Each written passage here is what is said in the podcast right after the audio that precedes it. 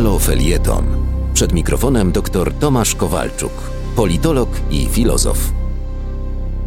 Minister Michał Dworczyk już po pięciu tygodniach od pojawienia się, eufemistycznie mówiąc, znaków zapytania co do korespondencji mailowej z prywatnej skrzynki pocztowej, przypomniał sobie wreszcie, dlaczego w korespondencji stosował właśnie prywatny, a nie rządowy adres. Wiemy już, że winniśmy ministrowi szczere przeprosiny. Mylili się bowiem ci, którzy podejrzewali ministra, łagodnie mówiąc o nieporządek i niefrasobliwość, a ostro o chęć uniknięcia zapisania tych maili dla ewentualnych późniejszych rozliczeń działań ministra. Wstyd. Minister po prostu chciał oddzielić państwowe od partyjnego, co jak słusznie opisał, na pewno nie powinno mieć miejsca i byłoby przedmiotem niewątpliwej i uzasadnionej krytyki.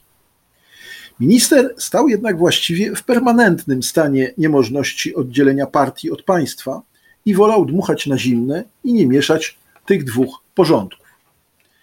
Nic, tylko uderzyć się w piersi, pochwalić zapobiegliwość ministra i życzyć wszystkim takiej odpowiedzialności.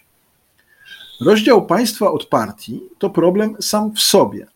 Trudno rzeczywiście odmówić racji ministrowi Dworczykowi, kiedy wskazuje, że na przykład sam premier jest przecież też posłem. Bo jak wiadomo, władza wykonawcza często to to samo, co władza ustawodawcza, przynajmniej w Polsce. W rezultacie już łatwiej byłoby rozmawiać z doktorem Jekyllem i Mr. Hyde'em, bo w ich przypadku właściwie zawsze było widać, w jakim stadium akurat przebywają. A tu zlewanie się premiera z posłem jest zupełnie bezobjawowe. Niewątpliwie polityka i decyzje partii, która akurat po wyborach obejmuje władzę, czyli ma prawo i mandat do tego, by realizować swoją wizję państwa, jest powiązana z działaniami rządu. Nikt tego nie kwestionuje. Ale czy to znaczy, że państwo to partia?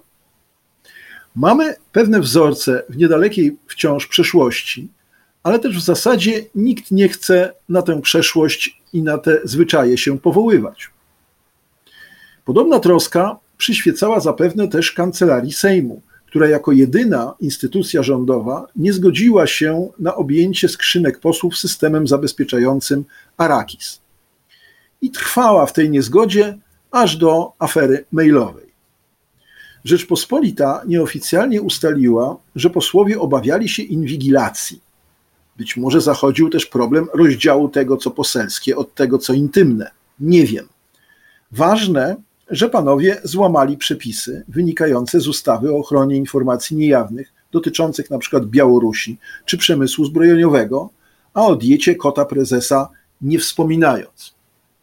Słuchając ministra Dworczyka, miałem nieodparte wrażenie, że z kogoś robi durnia. Czy z nas, czy może.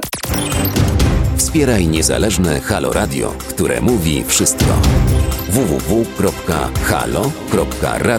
ukośnik SOS. Dziękujemy.